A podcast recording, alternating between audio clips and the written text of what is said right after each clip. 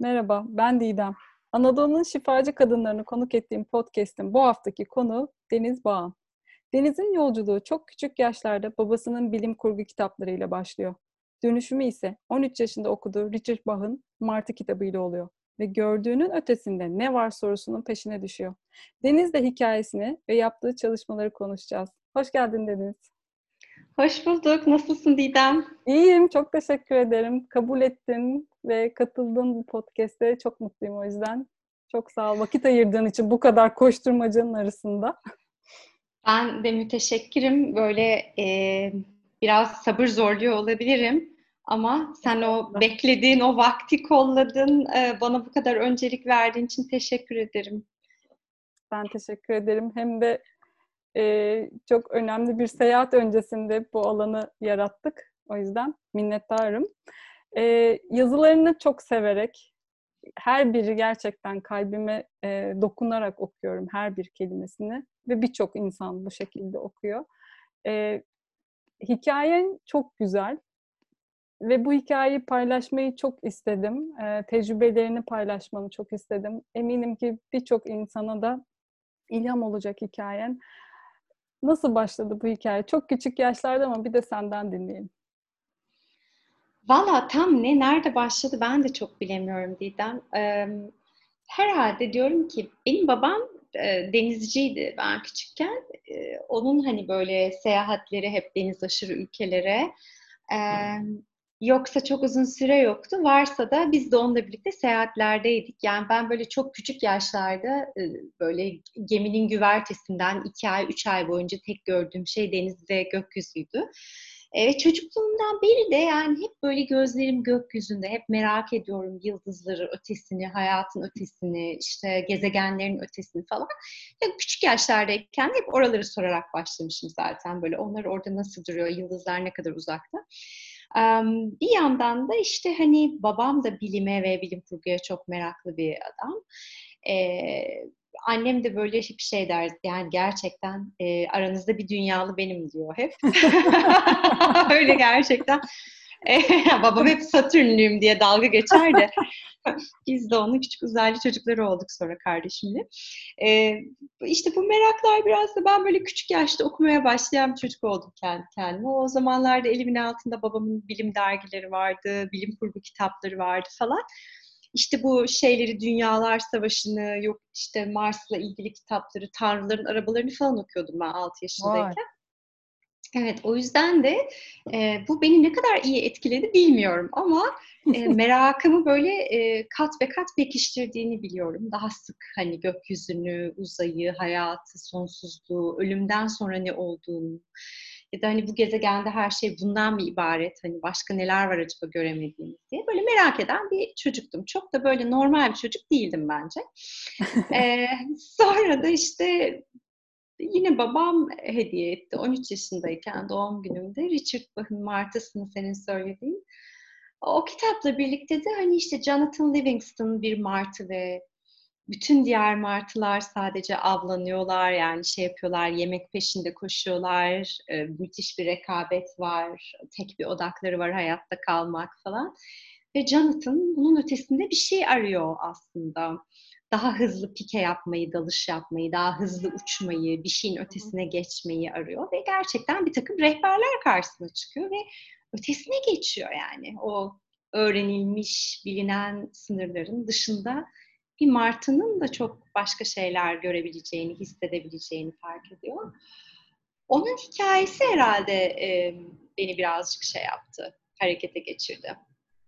Sonrası zaten çorap söküğü gibi hani sürekli acaba hani farklı ekollerden e, filozoflar neler demişler, e, işte kutsal kitaplarda neler yazıyor, ezoterik öğretilerin içinde neler var. Hani böyle onları arayarak e, geçmeye başladı yolculuk. İşte 17-18 yaş civarında da herhalde bir sahaftaydı yani tam anımsamıyorum nereden aldığımı ama e, bir meditasyon kitabı aldım ben. E, kitabın adı Meditasyon'du küçücük incecik mavi bir kitap. Sene olarak söyler misin? Çünkü hani o, o yıllarda çok nadirdi böyle şeyler. Hani özellikle yılı belirtirsen çok sevinirim.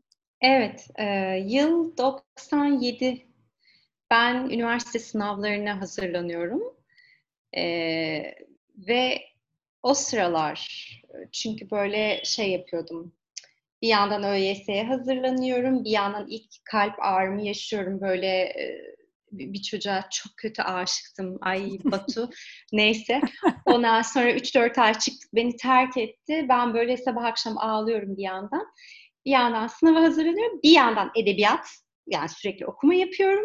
Bir yandan da meditasyona oturmaya başladım. Böyle annem falan bayağı telaşlı. Bu kız ne yapıyor böyle tek başına işte bir şeyler koyuyorum altıma ip saatler bağdaşa oturuyorum. Bir şey yapmak çabasındayım. Nefesimi izliyorum falan filan ama zorlayıcı bir yol o sırada. Çünkü bir hoca yok, bir üstad yok. Hı hı. Yol gösteren, yolu açan, kolaylaştıran biri yok yani. E, o zaman da tabii kitaptan okuyan 17 yaşında bir kız ne yapabiliyorsa o kadarı. Ama hani azimli olduğumu çok hatırlıyorum. E, sonra tabii üniversite yılları başlayınca e, teknik üniversitede bir mühendislik okumaya başladım ama o sırada ben şehrin e, dört bir yanını gezip nerede kim e, işte meditasyon öğretiyor, kim ezoterik bir şeyler anlatıyor, kimin anlatacak hikayeleri var. Hani böyle saçma sapan bir sürü yere girip çıkarak e, merakımı gidermeye, o susuzluğu rahatlatmaya çalıştım. Peki bu kadar hani e, hani bilim kurgu ve spiritüel konularla ilgiliyken tekstil mühendisliği nereden çıktı? yani o zor olmadı mı? Hem hani ya o, işte, dünya hem e, bu dünya. Ya biliyor musun bir çok güzel bir kitap vardır Yetenekli Çocuğun Dramı diye. Hı, evet. Ee, çok sevdiğim bir kitaptır ama yani kitabın bırak her şeyi, kitabın başlığı böyle benim hayatımın özeti gibi geliyordu bana hep. Ee, yani insan birden çok alanda yetenekli olduğunu bildiğinde bu sefer seçim yapmakta çok güçlük çekiyor. Özellikle gençlik yılları böyle. Yani ben hep birkaç konuda iyiydim. İyiydim, becerikliydim de haz duyuyordum yani. Matematik benim için gözlerimi kapattığım zaman zihnimde canlandırabildiğim bir ülke gibiydi her zaman çocukluğumdan beri. Dolayısıyla hani matematik, sayılar, e, fen bilimleri, bilim içeren konular okumak istiyorum. E, bu ikisi kesişince karşına mühendislikler çıkıyor çatır çatır yani. yani Türkiye'de de eğitim sistemi diyor ki sen fen matematikçisin. O zaman ya mühendis olacaksın ya tıp okuyacaksın. Tıp o sıralar beni hiç çekmiyor. Babam da mühendis, ben de babamın kızıyım. O yüzden ben de mühendis olacağım diyorum. Ama bir yandan da um, hiç de fena olmayan bir çizim kabiliyetim var. Yine çocukluk yıllarından itibaren acayip derecede çiziyorum ve böyle defter defterde yazı yazıyorum. Şiir yarışmalarına katılıyorum, edebiyat döktürüyorum, günlük tutuyorum falan. Yani yazı var, resim var. Yani sanat o taraftan benim içimde çok var. Ee, öbür taraftan da bir matematik beynim var yani. Ama sosyal bilimler dersen korkunç yani hani berbat durumda katiyen coğrafya tarih hiç hayatım boyunca anlamadım böyle ağlayarak ezberleyerek falan geçtiğim derslerdi nefret ettim yani ee, Neyse bir şekilde ben tabii ki mühendisleri yazıyorum. Bir yandan da şey yazıyorum yani. Ay diyorum yani çizim seviyorum. Bari çizim de içeren bir şey olsa, bölüm olsa diyorum. Endüstri ürünleri tasarımı ve mimarlık var öyle bölümler. Şahane bölümler. Ama ben zehir gibi öğrenciyim. Puanım o kadar yüksek ki o bölümler aşağıda kalıyor. Ve istediğin şey değil, tutturabildiğin en yüksek şeyi e, başarmanı söyleyen bir sistem olduğu için benim istediğim Doğru. bölümler aşağıda kaldı, istemediğim bölümler yukarıda kaldı. Ve ben e, şöyle bir şey yaşadığımı hatırlıyorum. İTÜ İşletme Mühendisliği ile İTÜ Makine Fakültesi Makine Mühendisliği arasında 30 puan fark var. O araya bir şey yazmam lazım. Ne yazacağım acaba? Boş kalıyor çok orası. Hı hı. Dediler ki İTÜ'de tekstil mühendisliği var. Ay dedim ne alaka yani? Yaz yaz çok iyi yükselen meslek Türkiye'de falan. Yazdım. Altıncı tercihime onu koydum. Arayı doldurmak için koydum. Ve böyle işletme mühendisliğini de böyle virgülden sonra üçüncü basamakta iki puanda mı ne kaçırdım? Son yani girecek son kişiyle benim aramda iki puan 0,002 puan var. Böyle kafayı yedim ağladım falan bütün gün kazandığım bölümü öğrenince istemeye istemeye, sevmeye sevmeye bir şekilde kafamda dirençlerle girdim. Ama kafamda da şey var, İTÜ en azından teknik üniversite okuyacağım falan. Makine fakültesindeyim. Derslerin yarısı makinecilerle aynı. O süper falan. Ondan sonra da öyle başladı tekstil mühendisliği ama hiç şeyi bilmiyoruz yani hayat işte o bilinmezlik örüntüsü içinde kendi kendine tatlı tatlı ağlarını örüyormuş yani ben okul okumasaydım o okulda okuduğum için çalıştığım üçüncü şirketten bir e, işte atıyorum e, şey e, fuar ziyareti için New York'a gittiğimde ve New York'ta kar fırtınası çıktığında ve havalimanında mahsur kaldığımda şu anki kızımın babasıyla tanışmıştım. Yani Vay, çok iyi. bilebilir ki hangi tesadüfün insanı nereye götüreceğini. Yani o virgülden sonraki üçüncü 0,02 puanı eğer becerseydim sınavda belki şu an maya olmayacaktı. O yüzden bazen işte buradan bakınca oralara evet. insan kaderini seviyor. Ama o zaman tabii çok üzüldüğümü hatırlıyorum. Okul dönemiyle giden bir de çalışmalar var. Yani spiritüel çalışmalar var. E, Reiki var. E, evet, evet. Var. Neler var, neler var. Neler var, neler. Biraz anlatır mısın? O neler, neler. Yani Neler yaptın? de ben okurken sınıf arkadaşlarımın arasında Cem diye bir arkadaşım vardı. Ee, canımın içi Cem. Çok tatlı, çok yakın arkadaşımdı benim. Hatta yani o kadar yakındık ki erkek arkadaşım sinir olurdu yani. Hı hı. Ama e, biz Cem'le birlikte, o da böyle benim gibi biraz e, tatlı çatlak tarafındaydı bu işin. Hı hı. Biz böyle işte her akşam e, işte şey yapıp saatleşip aynı anda telepati kurma denemelerimi dersin, işte ortak meditasyon çalışmalarımı dersin Böyle neler neler yapardık yani. Hani sürekli bir çaba halindeydi o da benim gibi. Ee, ve e, onunla birlikte işte böyle İstanbul'da işte Brahma Kumarisi olsun o zamanlar Ruhsal Üniversite'nin işte İstanbul ayağında meditasyon öğreten bir hocalar vardı oraya giderdik. Yok işte şimdi hani hatırladığım zaman Allah'ım nasıl girmişim oralara ve yine iyi çıkmışım dediğim böyle saçma sapan bir takım e, işte ismi yoga olan ama kendisi pek de yoga olmayan okullara falan girip çıktık. Bir sürü yerlerde bir sürü insanlardan bir şeyler dinledik. Evlerimizde kendi kendimize çalıştık falan. Üniversite yılları öyle geçti. Yani hani çok da açıkçası gelir düzeyi yüksek olan bir ailede yaşamadığımız için hani e, koşullar gereği ben üniversitedeyken zaten hani çeviri yaparak kendi harçlığımı çıkarıyordum ve hani anneme babama da dönüp hani bilmem işte ben Reiki öğreneceğim, şu kursa gideceğim demeye de hani çok bir imkanımız yoktu. Zaten biz üniversitenin 3. sınıfındayken kriz patlı, 99 krizi. Hı hı. Orada gördüm de zaten master'da yapamayacağım ben. Çatır çatır çalışmaya başlamak gerekiyor hayatta bir an önce. Hı hı. O yüzden hani dedim ki ben çalışmaya başlayayım mezun olur olmaz. Ee, kendi kazancımda da ne bulursam eğitimlere gitmeye başlayayım. Dolayısıyla ben mezun olduktan sonra Didem hani bir bütçe ayırabildiğim için işte Reiki öğrenmeye başladım. Tai Chi Chuan kursuna gittim. İşte Reiki öğrendim. Gülüm Omay e, Reiki Master'ımdı. Onunla böyle herhalde 10 sene civarı falan çalıştık. Bir sürü Reiki ve Reiki bağlantılı şifa terapileri, işte ışık köprüleri, master oldum ben eğitimler vermeye başladım falan. Tai Chi Chuan'da da Süha Hoca vardı. Süha Hoca ile çalıştım 3 sene.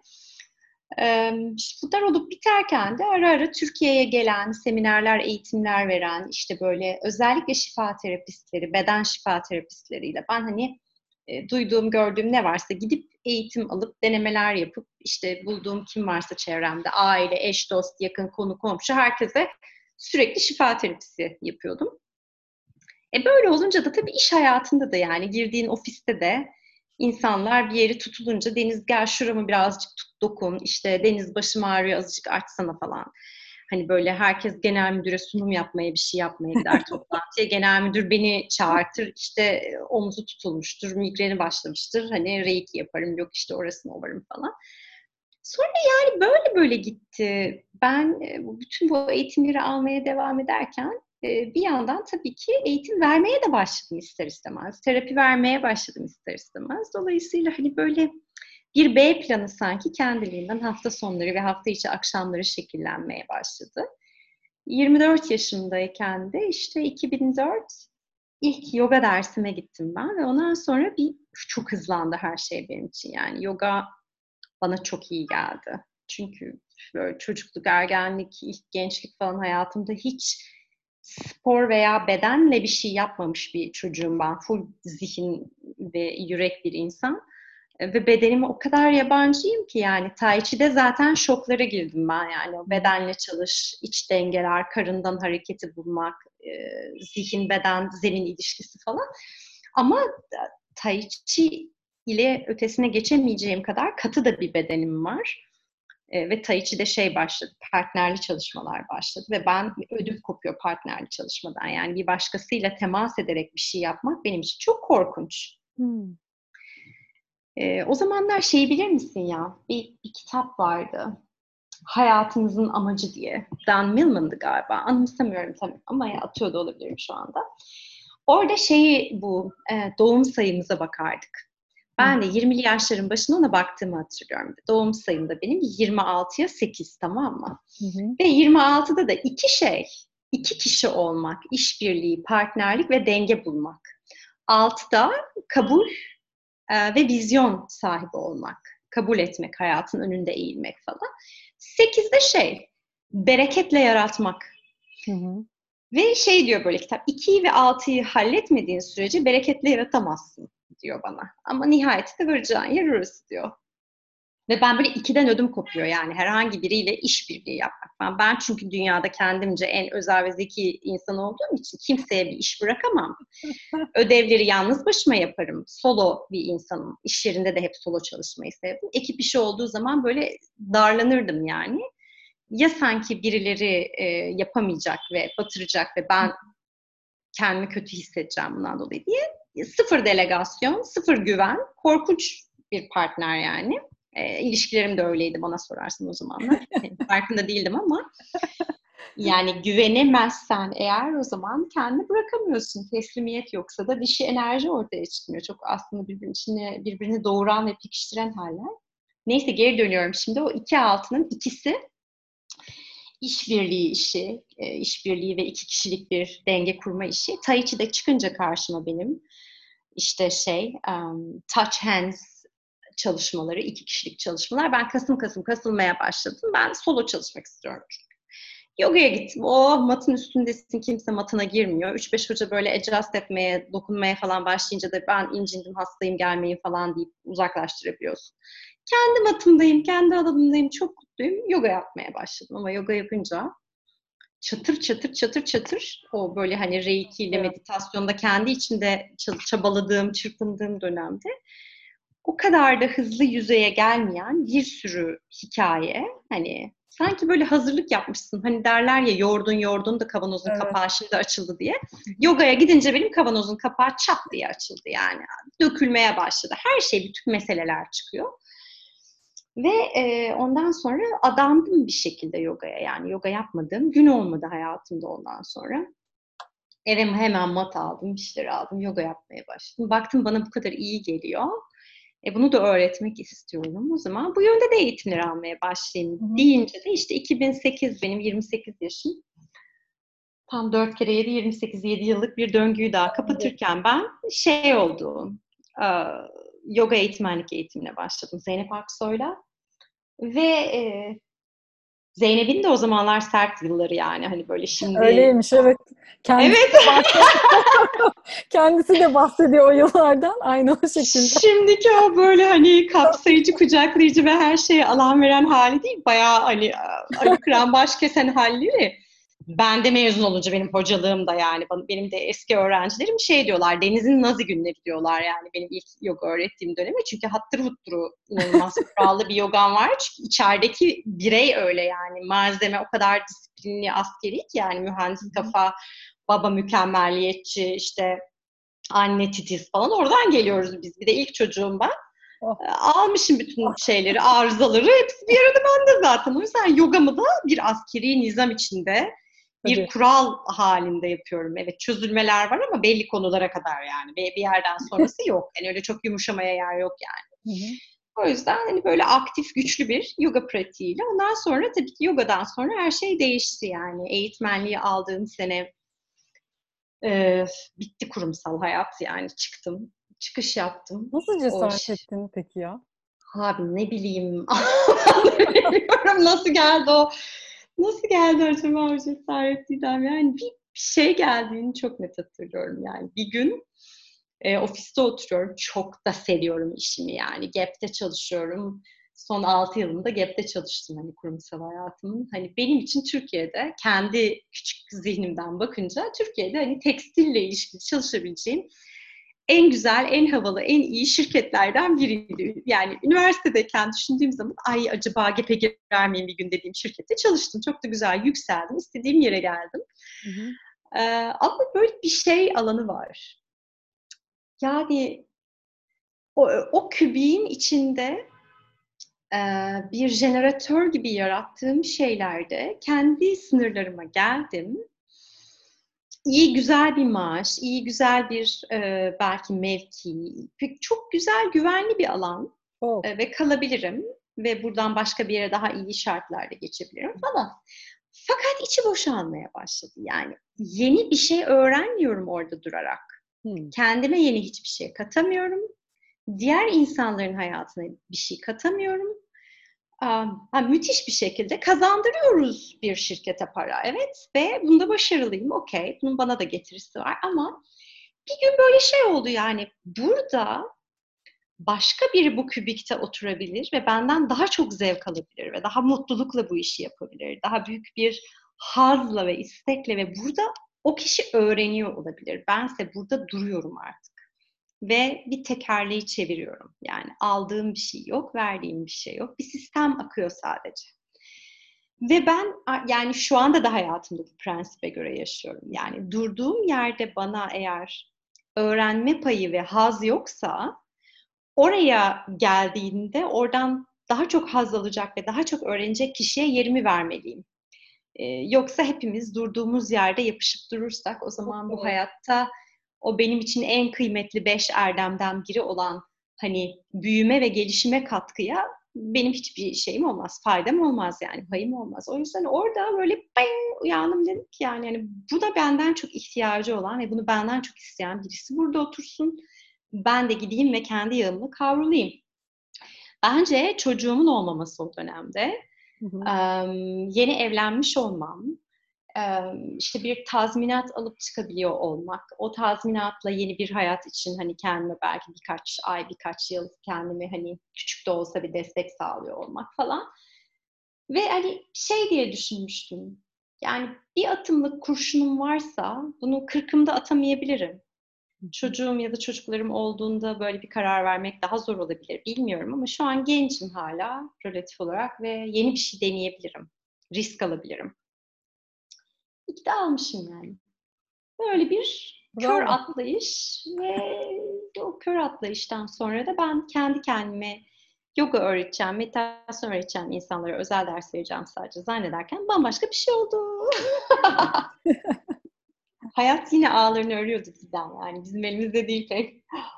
Evet, katılıyorum sana. Sonra somatik deneyimleme de var bu arada. Başka şeyler de konuşacağız da somatik deneyimleme işinin hangi kısmında? Neden o kadar önemli? Aa, oraya doğru geleyim. Oraya gelmeden önce şey söyleyeyim. Yani bu işte kendi kendime bir şeyler öğreteceğim, bir şeyler yapacağım derken benim şey geldi. Ee, şimdi Yoga Time'daki ortaklarım geldi. Dediler ki hani biz yoga stüdyosu açmak istiyoruz. Birlikte açacağımız ve daha büyük bir şey yapmak için hani bir ortak arıyoruz falan. Ben böyle hiç hiç hiç aklımın ucundan iş kurmak geçmiyor iken aa olur dedim böyle bir içeriden bir a olur çıktı ve sonra da hani tabii ki kağıt üstündeki hesabım, ilk hesabım böyle kafadan bir 5-6 katına geldi bu iş bizim için. O bütün o poliçeler yendi, bütün işte ne var ne yok satıldı, edildi falan filan. Ben böyle hani rock bottom sıfır, üstüne hatta o, o zamanlar eşimden de biraz borç istedim aldım falan. Hı hı. Ve biz stüdyoyu kurduk.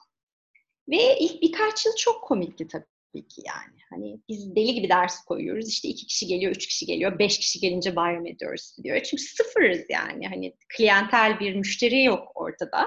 Ama biz böyle tuttuk kocaman bir yeri ve başladık yani. Hiç Ama öyle üç beş parasız kalmaktan. Ay ödüm koptu ya. Deli misin? Tabii ki korktum yani. Hani bir kere zaten hani kurumsalı bırakıp böyle insanların açıkçası çok da kıymet vermediği, çok da saygı duymadığı, benim kendi aile bireylerim ve çevremin bile sen kızım manyak mısın işte dolar maaş bırakılıp da gidip böyle saçma sapan yoga mı öğretilir, bıdı mı yapılır falan sen kafayı mı yedin dedikleri bir dönem yani. Zaten evet, aynen. yani sosyal olarak açıklaması zor bir şey. Organik olarak ayrışması zor bir takım bağlar ve kimlikler var. Yani istediğini yapabilmenin özgürlüğünden hani ayda dışarıda yiyeceğin yemeğin sayısını tartmaya başladığın, bir iki yıl belki alışveriş yapmadığın falan bir dönemden bahsediyoruz. Ve zararda sürekli stüdyo yani. Ve hani bir şekilde özel ders veriyoruz hepimiz. Özel ders paralarını içeri koyuyoruz falan bir şekilde çeviriyoruz. Ama zor yani, çok zor dönüyor. Ee, ve korktum tabii ki yani. Korktum, niye bunu yaptım diye düşündüğüm günler de oldu ama hani Ekrem Bey diyor ya hani gençliğimiz var diye. Çok şükür yani gençliğim varmış herhalde. Tazı gibi e, seke seke çalışmaya devam ede ede götürdüm bir şekilde. Sevgili işte Vedat ve Sima da çok e, canlı başlı çalıştılar. Ben de öyle. Ve gitti. Oldu, tuttu, aktı bir şekilde. Hani kolay olmadı onu söyleyeyim. Hani Türkiye'de hiç kolay olmadı. Yani işin bütün legal tarafları ayrı zor, işin e, herhangi bir işletmeyi sürdürme tarafları ayrı zor ama oldu ve sürdü ve hani öyle ki ekmek parasının ötesine geçip ben yine kendime en azından e, eğitimler almaya devam edebildiğim bir hayata doğru geçebildim. E, bütün bu şeyin işte somatik deneyimleme veya somatik çalışmaların benim hayatıma girişi e, işte 2009'da biz stüdyoyu kurduk. 2011'de ben ilk defa SOAS kası ile ilgili çalışmaya e, hocam Liz Cook'un e, bir eğitimine gittim Amerika'ya. Ve e, o eğitime gittiğimde de e, yani acayip bir dönüşümün kapısı açıldı benim için. Ve hani sonra da hani 9 sene boyunca biz Liz'le çalışmaya devam ettikçe Hani o benim bedenimin her sene nasıl dönüştüğünü gördükçe ve her gittiğimde bana o çok böyle olgun olmuş ve yaşı almış ve çok bilge kadın tarafından bana hani çok böyle direkt cümleler söyledikçe ben her gittiğimde onunla uyandım. Yani bedeni dinlemeyi öğrendim ben Liz'le. Ya tamam evet Liz'den evvel de benim 5 yıl yin yoga pratiğim vardı ama yin yoga yaparken bile hırsım vardı. Yin yoga yaparken bile ideallerim vardı. Hala zihnimde çok işte bu yani kapitalist dünyanın ve mekanistik bakış açılarının getirdiği çok böyle kompartmanlara ayrılmış bir hayat algısı vardı. Dolayısıyla hani organik varlığımla bağlantı içinde pek de değilmişim. Çok kolay bir şey değil ama oradan sıyrılmak da bu arada. Evet, yani yıllar aldı zaten mi? Yani öyle bir, bir kurs, iki kurs, iki yıl, üç yıl da değil. Yani Liz'le çalıştım ve bir şey yaşadım yani. Bedenimde bir kası rahatlatıp karın bölgesinde bir özgürlük alanı açtığımda enerjik olarak kalp alanında bir aktivasyon yaşadım ve ilk defa hayatımda gerçekten kalp çakrası aktivasyonu nedir anladım ki ben çok bilimsel ve ayakları yere basan bir yerden hep yoga öğreten, beden öğreten, e, meditasyon öğreten bir hocayım. Yani ezoterik pek bir şeye temas etmem. Ama e, yani ezoterik olanın e, fiziksel, manifest etmiş, biçimlenmiş, cisimlenmiş bedenimde bu kadar kendini gösterdiği bir şey somatik olarak yani bedensel olarak bedeni dinleyerek çalışmak olduğunu gördüm ve şey çok mucizeviydi. Ben e, yani Liz'le çalıştım Ağustos 2011'de ve aşk geldi bana. Yani aşık oldum. Yani sonuçta evliyim o sırada. Bir eşim var ve hayatım var falan ama içimden dışarıya herhangi bir hedefe olmayan, bir kişiye yönelmeyen bir aşk duygusu çıkmaya başladı bir kişiye dair bir aşk değil böyle insanlara dair bir aşk, Hı. ağaçlara dair bir aşk, böyle kedilere ve kuşlara ve gökyüzüne ve toprağa falan hani dedim ki yani Lize ben ortaya aşık vaziyetteyim şu an. Resmen ortaya böyle aşığım yani. Çok ve ben bu arada. Hani Suas'la çalıştım vücudum ondan sonra ağrılar içinde çünkü benim Suaslar böyle kasılmışlar Onlar gevşeyince yükün bindiği esas yerler ortaya çıktı ve yeni de bir beden dinamiği öğreniyorum. Neyse zaten ben o ay, o aşk içinde ben hamile kaldım çıtırt diye. Maya'ya. Çok olan bir şeymiş bu. Aşkın meyvesi oldu yani. Aynen öyle yani ben. Ama hep şey diyorum yani. Maya'nın evet babasını biliyoruz. Babası Altay yani eski eşim ama Maya'nın o hani bedene beden buluşunda çok ulvi bir ilahi yani bir aşk var bir yandan evet, benim için. Yani çok kalben hani böyle ağlıya ağlıya ben artık hani bir birini annelik etmeye, birinin varlığına ruhsal olarak hani e, belki rehberlik etmeye hazırım dedim ve geldi. Ondan sonra da e, Hanya ile Konya'yı e, anne olarak öğrendim. Esas çözülmelerin yogadandı, reiki'dandı değil, analıktan da gelebileceğini hayat deneyiminin içinde öğretmeye benim küçük öğretmenim gelmiş yani. Ah, analar, ee, analarımız demek istiyorum burada. yani burada e, böyle çok böyle e, nazikçe şey söylemek istiyorum. Yani burada analığı yüceltmiyorum, anne olmanın hayattaki tek çıkış olduğunu düşünmüyorum. Bir kadın için bir şart, bir koşul olduğuna katiyen inanmıyorum ve hiç anne olmayıp, bunu hiç seçmeyip, buna hiç özlem duymayan veya özlem duyup kavuşmayan ya da hiç özlem duymadan kavuşan yani o kadar çok hikayemiz var ki kadınlar olarak. E, o yüzden hani burada katiyen bir e, ulvi bir şey görmüyorum. Annelik şöyle ulvidir, böyle işte ilahidir gibi görmüyorum. Ama hani benim hikayemde Maya olmasaydı şefkat olmazmış. Maya olmasaydı ben bu kadar yumuşamaz, bu kadar kolay sabrı öğrenemezdim. Maya olmasaydı e, muhtemelen yoganın çok bedene ait olduğu bir seviyede kalabilirdim. Bedenime tapmaya devam edebilirdim. Bedenimin biçimine ve performansına tapmaya devam edebilirdim. Yani bir kere işte bir gebelik geçirmek ve bir doğum geçirmek ve sonra bedenimin bütün tanıdığım sınırlarının değişmesi, gücünün değişmesi, karnımın gevşemesi, kendimi tanıyamaz hale gelmek muhteşem bir e, ego sarsılmasıydı ve onun altından da e, anladım yani o kalp kalp kalp açıldı ama arkasından gelecek koca dalgaya hazırlıyormuş aslında. O koca dalga e, hala o dalga ile birlikte devam ediyoruz o dalganın artçı dalgalarıyla ve hı hı. E, sert oldu benim için annelik e, ve zor oldu ilk başlarda ama sonrası çok güzelmiş. Biz somatik konuşacaktık. Bak nereye geldik. Gördün mü? Olsun. ya işte herkesin deneyimi o kadar farklı ki kimisi çocuğuyla e, bir şeyleri dönüştürüyor, kimisi başka bir ilişkiyle. Evet. Ama asıl dönüştüren şey esas esasında ilişki, her türlü ilişki. Kesinlikle. kesinlikle. O nedenle hani dediğin gibi çok da fark etmiyor anne olmak ya da olmamak. Yani onu deneyimleyebilmek ve o alanı açabilmek çok önemli bence. Ona izin... Yani aslında evet evet yani çocuğunla olması, ananla, ananla olması, kardeşinle onunla olması, tabii, tabii. sevdiğin, sevdalandığın biriyle bir öğretmeninle, siz bazen sokaktaki biriyle yaşıyorsun o aydınlanmaları, uyanmaları.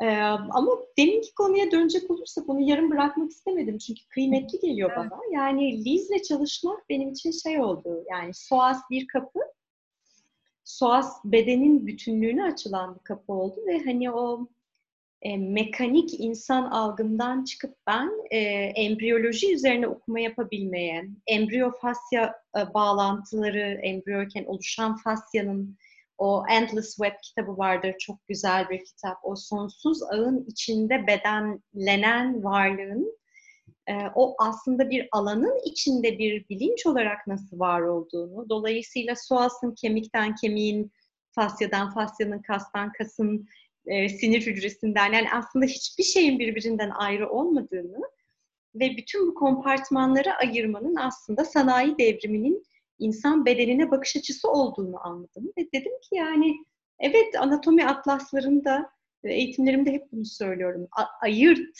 etmek ve ayrı ayrı ayırarak öğrenmek için ayırıyoruz parçaları ama insan bir varlık e, ve hiçbir kası kemiği, hiçbir dişi tırnağı, teni, kalbi, ruhu hiçbir şey birbirinden ayrı değil. O yüzden Liz'le çalışmak bana bir bu insan algımı değiştirdi. Dolayısıyla dersime gelen öğrenciye de bir insan bütünü olarak bakmayı, o çok şiddetle yaklaştığım kendi varlığıma da daha şefkatle ve onurlandırarak ve daha onun dinleyerek biraz daha ihtiyaçlarını duyarak bakmaya başladım. Hı hı. Ve hani insanlar hep şey der, yani mesela işte benim vejeteryan ya da şu anda vegan olmayışıma böyle işte Instagram'da onu fark edince böyle hönönönö hönönönö diye böyle korkunç cevaplar yazan ve beni bloklayan falan insanlar oluyor. E, fakat aslında hikaye şu ki e, ben işte hayatımda toplarsak ayrı ayrı iki bölüm halinde 10 e, yıla yakın vejeteryan yaşadım.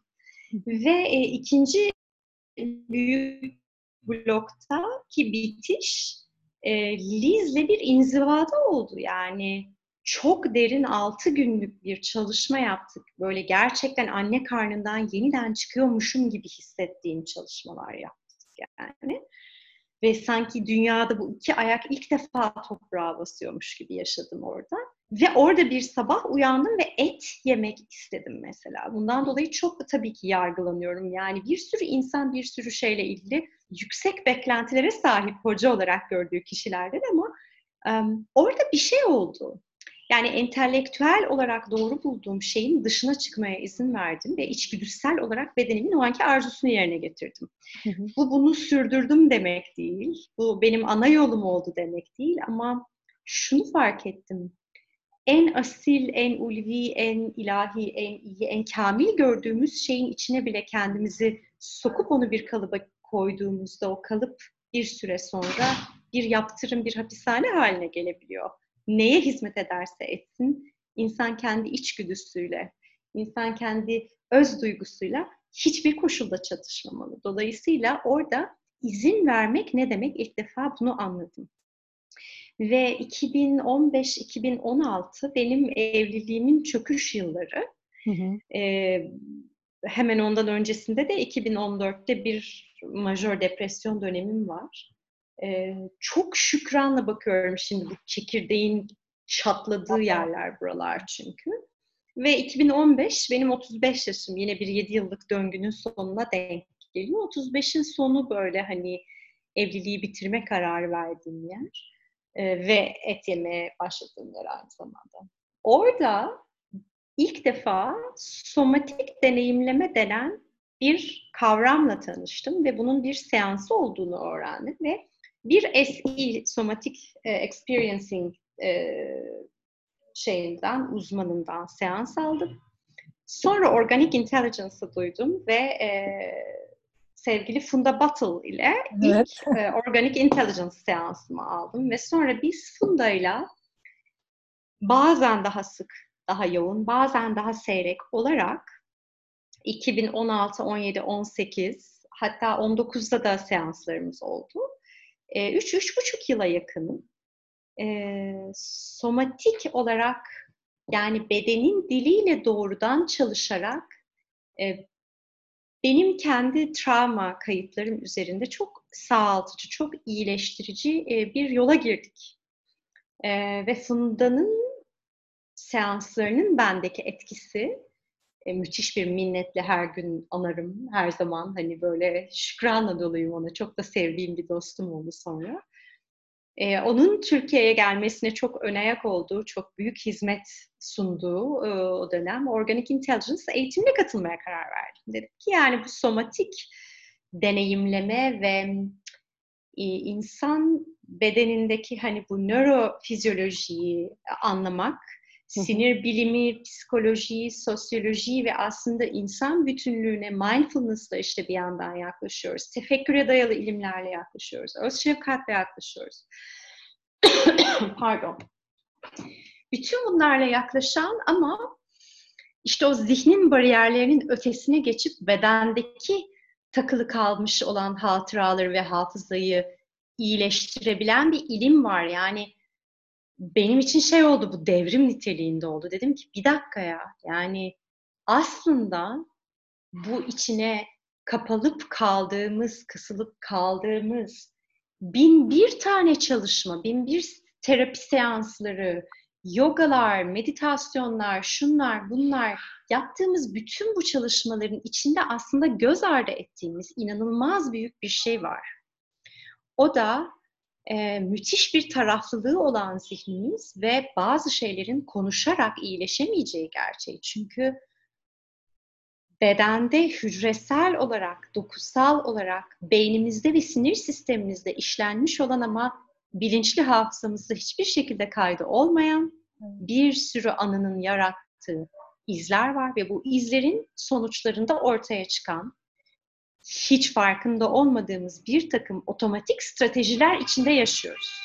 Hı hı. E, 3 yaşında, 5 yaşında, 7 yaşındayken hayatta kalmak, sevilmek, beğenilmek, duyulmak, görülmek için edindiğimiz strateji neyse 30 yaşımızda, 40 yaşımızda biz farkında değilken o stratejiler hayatımızı kurgulamaya ve yönetmeye devam ediyor.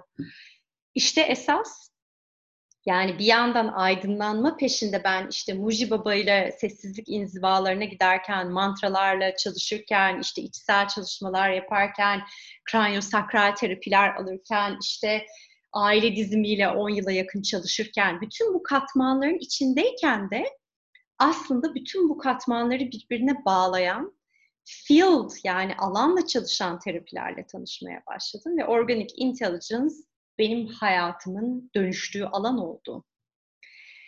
Orada öğrendiklerim ve oradan uyguladıklarım ve devşirdiklerim benim sinir sistemimi yeniden yapılandırdı. Funda sağ olsun, Heath Wilson sağ olsun, e, Funda ile birlikte eş zamanlı e, seanslar aldığım bir terapist ve şu anda birlikte çalışmaya devam ettiğim Boaz Feldman hocam sağ olsun. Ben başka bir insan oldum Didem. Yani ben başka bir insana dönüştüm gerçekten.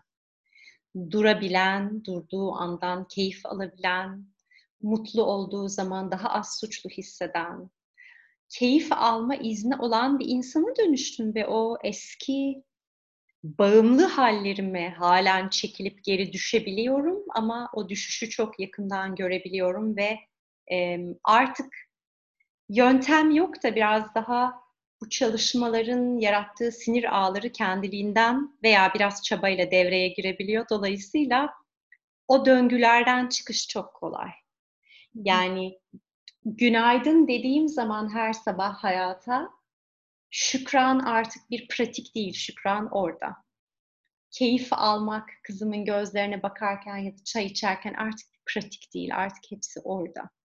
Dolayısıyla sinir sistemini dönüştürmek üzere oluşturulmuş programların e, bugünün bilimi ışığında ama 3000-4000 yılın kadim bilgeliği ışığında şu an modern insan için en kapsamlı, en derinden çıkış noktası olduğuna inanıyorum. Ama bunlar için birkaç ay değil, e, hayatımızdan birkaç yıl adanarak, e, dikkatimizi buraya getirerek, vaktimizi buna ayırarak, özenle, bir nakış işler gibi bu yola doğru bir yatırım yapmanın şu olduğunu düşünüyorum.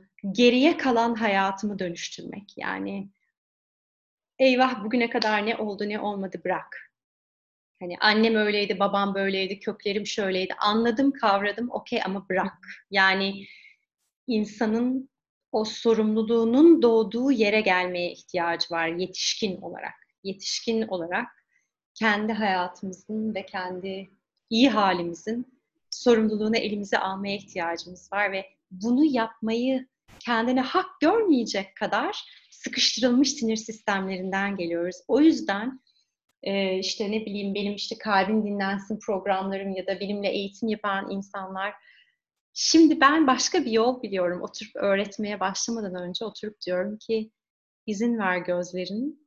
Dünya bugün sana neyi göstermek istiyor? Oraya doğru baksın. Yani organik olarak bu bedenin, bu duyuların, bu sinir ağlarının, e, bu dilin, bu dudakların, bu gözlerin, bu kulakların, bu kalbin organik olarak yönelmek istediği yere yönelmesine izin veren ve belki on yıllarca ket vurulmuş olan o öz duygumuzun ortaya çıkmasına izin veren yeni bir metotla yaklaşıyorum hayata. Yani insanın kendisi olmasına doğru bir yolculuk.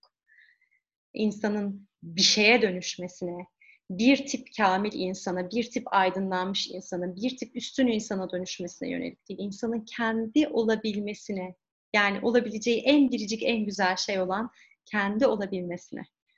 Ay ne çok konuştum ama işte. Ay vallahi ben şu ağzım açık dinliyorum seni. O kadar kıymetli söylediklerin. Yani çok çok güzel ve e, çok, çok doğru. Bilmiyorum şu an. Ne diyeceğimi bilemedim. Benim bildiğim şu galiba Didem yani aslında e, bir halt bilmiyoruz hiçbirimiz. yani kesin. çok şey biliyoruz ve hiçbir şey bilmiyoruz. Yani çok materyal var elimizde bir yandan. Bilgi çok bilgi var. Bilgi var. Çok bilgi var ama bilgelik denen hikaye e, bilginin ötesinde deneyimle içselleştirmiş olduğumuz bir bilme hali. Deneyimle içselleştirdiğim hayat. Yani ağacı içselleştirmek, çocuğu içselleştirmek, yemeği içselleştirmek, sevişmeyi içselleştirmek, bir başkasının acısını kendi içimde içselleştirmek, dünyanın acısını içselleştirmek. Yani benim içsel deneyimime yansımadığı sürece bilgi o kadar tehlikeli bir hale geliyor ki. Çok, çok. O yüzden de hani artık bilgiyi öğrenmeye yönelik bir şeylerin peşinde değil de insanın o kendi insan olma deneyimine alan tutarken dilimi ne kadar inceltebilirim, yöntemimi ne kadar e, naif, ne kadar özenli hale getirebilirim, ellerimi ne kadar çekip daha öğrenciye, danışana, insana, ilişkide olduğum insana, aile bireyime ne kadar daha alan verebilirim. Biraz daha buna yönelik ben de kendim için hala ufak ufak eğitimler, bilgiler, seminerler topluyorum ama şeye geldiğimi hissediyorum yani. Bilgi olarak yeter, bu kadar aldığım yeter. E, bu şu değil yani bildiğimiz belki işte bir arpa, belki bir susam çekirdeğini doldurmaz ayrı. Hı hı. E, ama işte e, işte Buda'nın o body ağacının altında söylediği şey gibi yanlış söylüyorsam muhakkak meslektaşlarım ya da e, bunu daha iyi bilen birileri eminim ki hani buna bir dipnot düşerler ama yani benim sizle paylaşabildiğim bu ağacın bir yaprağı yalnızca diyor. Hı hı. Bu kadar yani ya da Muci Baba e, inzivada şey demişti bir kere böyle çok vecd halindeyiz bilmem 8 saat mi ne meditasyon yapmışız ben böyle aşk aşk ölüyorum falan ve dedi ki eğer bir içinizde bir e, ruhsal yücelme, bir açılma, bir genişleme gibi bir his yaşadıysanız şayet, aydınlanma bir gül ise bu o gülün çok uzaktan burnunuza temas eden bir anlık kokusu yalnızca dedi. Yani Biraz aslında böyle bakmak lazım. Evet şu kadar böyle bir susam tanesi kadar biliyor olabilirim ama Didem galiba birkaç sene daha fazla bir şey öğrenmesem iyi olur yani. Çünkü bilgi şu anda beni daha fazla tüketebilir, kirletebilir. Onun yerine durdum ve yazmaya başladım. Evet. Durdum ve alan tutuyorum. Durdum ve gruplarla oturuyorum. İnsanları dinliyorum. Duruyorum ve durmaya çok ihtiyacım var yani. İş delege ediyorum. Peki durabilir Daha çok daha daha çok asistanlarım var, daha çok destek Aha. insanlarım var. Destek ee, şöyle diyeyim artık. Yani o iş Aa süper. Aa. Şahane. o zaman görev, görevini gerçekleştirdin. Değil mi? Diyebilir miyiz? Evet evet ya. Yani bu sene aklıma geldi o bir anda. Yani 2 ve 6'yı yaşıyorum. İkiyi çok derinden yaşadığımın farkındayım. Hı. Altıda da epeyce bir yol e, almışım bu. O kitabı okuduğumdan bugüne 20 sene oldu. O 20 sene içinde. Aa. İki çok güzel işledi. Yani hayatımın en ve belki tek e, güvenli işleyen ikili partner ilişkisini yaşıyorum şu anda. Hı hı. Gerçekten beni yüzde yüz görmüş olan tek erkek birey diyebiliriz e, kendisine. Çünkü e, hani her şeyle oradayım. O da her şeyle orada ve e, bir utanç, bir korku bariyer değil. Çünkü bütün utanç ve korkuyu da paylaşabildiğimiz bir yerdeyiz. Çünkü insan olmaya uyandığımız bir yaştayız. Belki biraz da öyle. Yani 20'lerde ilişki kurmakla 40'larda ilişki kurmak çok başkaymış. Ama hani orada da var. Stüdyo ortaklarımla partnerlikte de var. E işte Meditopya'daki birlikte çalıştığım ekiplerle çalışırken de var. Hı hı. Eve yardım etmeye gelen kızla bile. Yani hepimizle, herkesle aramda o ikili ilişkilerde çok büyük bir sevgi ve sevinçle delege ediyorum şu anda. Çok büyük bir sevgi ve sevinçle yardım istiyorum. Yani bu sene yazın bir ameliyat oldum ben. Ee, geçti her şey çok iyi şimdi. Ee, ama herhalde 20 yaşlarımdan beri ilk defa annem ve babamla bir sağlık sorunumu konuştum ve on, onlardan destek istedim ve e, annem yanımdaydı, babam yanımdaydı ameliyata girerken ve şeyi görüyorum yani senelerce onlardan acılarımı saklayan kibirli parçamın e, toprağa verilişini görüyorum bu sene yani. Hani çok e, fani ve çok sıradan bir e, sadece bir insanım ve e, her evlat gibi de annem ve babamdan e, onlar sunduğu zaman almak benim de hakkım ve dara düştüğüm zaman yardım isteyebilirim. Hı hı. E, çünkü şey biliyorum yani dardayken yardım istemediğimde, üzüntümü belli etmediğimde e, bu hayatta majör depresyonlar yaşamış, ilaç tedavisi görmüş ve çok zor zamanlar yaşamış biriyim yani. Oraya gir girmeye gerek yok. Şimdi e, isteyebiliyorum. Yavaşlamak dersen de yavaşlayabiliyorum. Hı hı. E, bu aralar yavaşlamamı çok güçleştiren şey bu pandemi sonrası okul düzeni. E, günümün ortalama 7-7,5 saati Maya'nın okul süreçlerini takip ederek, online derslerde onunla uğraşarak, dibinde durarak, her anne dediğinde yanında olarak geçiyor. O yüzden iş üretmekte, iş takip etmekte, iş sürdürmekte biraz zorlanıyorum. O yüzden sıkışmış hissediyorum. Ve işte önümüzdeki hafta bir beş günlük bir sessizliğe doğru kendimi atıyorum. Çünkü e, nefes ve durma ve e, bir kendimi toparlamaya ihtiyacım var. Harika. Bir de Meditopya'dan bahsedelim. Ee, müthiş, evet. müthiş bir hikaye, müthiş bir başarı hikayesi kesinlikle ve çok kısa sürede 2017'de yayınlanıyor ve sonrasını senden dinleyelim. Um, 2017'de Meritopya yayınlandı. 2016 sonlarında biz tanıştık ekiple e, ve e, 2016 sonlarında tanıştığımızda e, çok da böyle şeker bir şekilde tanıştık. Çok tatlı bir tesadüfle tanıştık. E, ben e, o sıralar işte Aykut var e, benim antrenörüm. Onda spor yapıyorum. Aynı zamanda Aykut'u tanıyan bir ekip onlar. Ben de Aykut benim antrenörüm ama e, şey Aykut'a e, anlatıyorum bütün dertlerimi tabii ki. Ay özel dertlerimi anlatıyorum, işte iş hayatımı anlatıyorum. Her antrenör gibi, işte muhtemelen her kuaför gibi, her böyle destek ve hizmet veren, e, birebir çalışan kişi gibi değil mi? Ve sevgili Aykut da ve dinliyor o sırada tabii. Hep ben de dedim ki yani ben meditasyon yaptırırken öğrenciler çok ama çok e, mutlu oluyorlar. Bütün öğrencilerim diyor ki hocam bir ses kayıtlarınızı gönderseniz biz de dinleyebilsek keşke falan. Ben işte CD'ye mi yazdırayım ama artık çağ değişti CD kalmadı falan. Ben böyle bir iki yazılımcıyla falan görüş. Kendim böyle bir app çıkarayım.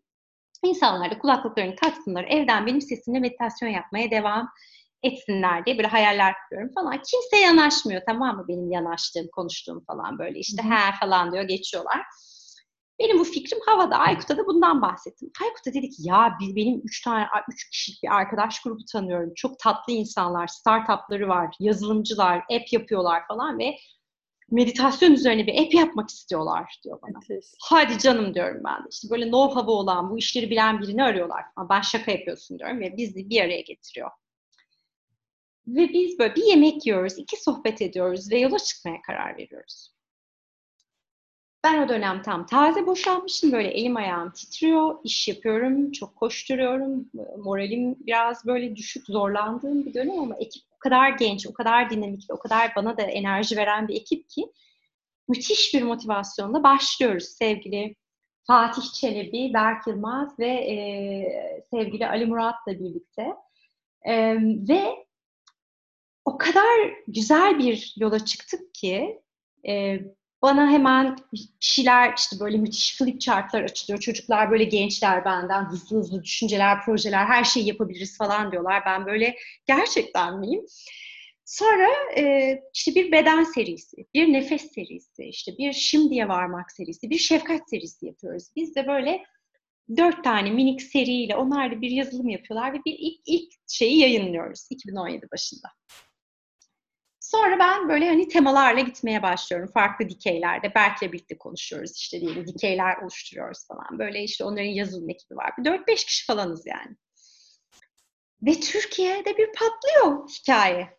Yani inanılmaz seviliyor. Çünkü ilk defa kendi ana dilinde konuşan, kendi ana dilinin deyimleriyle, anlatımlarıyla vesaire meditasyon öğreten birisi var ve o bir app'le ulaşılabiliyor ve ücretsiz indirilebiliyor ve ücretli bir bölümü var ama ücretsiz de erişilebilen kısımları var. Ve çok hızlı bir şekilde insanlar böyle ağızdan ağza, dilden dile bir şekilde bunu yaymaya başlıyorlar. Çok seviliyor, çok tutuluyor ve ekip büyümeye başlıyor. Ve benim kafam hiç basmaz yani pazarlaması, finansı, ürünü vesairesi. Ben orada değilim. Ben içerik yazıyorum, seslendiriyorum. Yazıyorum, seslendiriyorum o sırada. Ee, ve um, çok güzel büyümeye başlayınca e, çocuklar çok güzel bir virajı dönüyorlar ve bu lokalizasyon kasımızı e, dünya çapında partnerlerle buluşturarak biz bunu e, sadece çünkü neredeyse İngilizce var yani büyük meditasyon uygulamaları ve kaynakları. Herkes niye ana dilinde yapmasın deniyor ve İspanyolca ve Portekizce ile ikinci, üçüncü diller çıkış yapılıyor. Güney Amerika'da patlıyor, viral, Meditopya.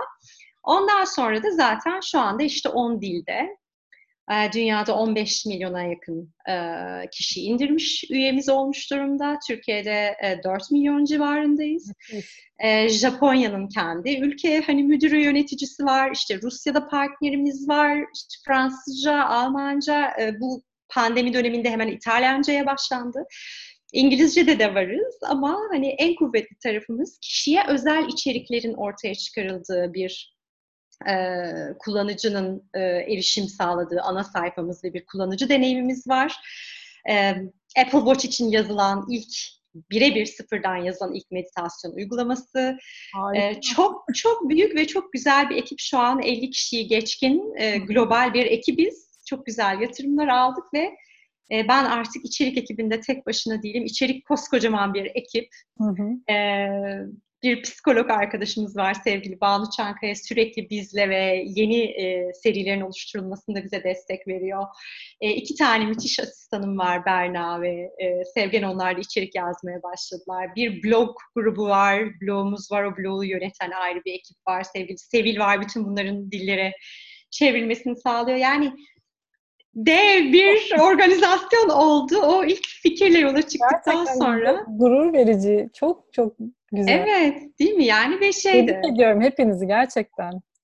Evet yani bu ülkeden çıkan e, ve dünyaya ulaşabilen e, müthiş bir e, hizmet bu. Çünkü yani işin tabii ki bir ürün yaratma, bir bir evet bir iş yaratma kısmı var, bir istihdam yaratma kısmı var ama işin yürek kısmı benim için çok doyurucu. Yani şeyi düşünmek çok mutlu ediyor beni.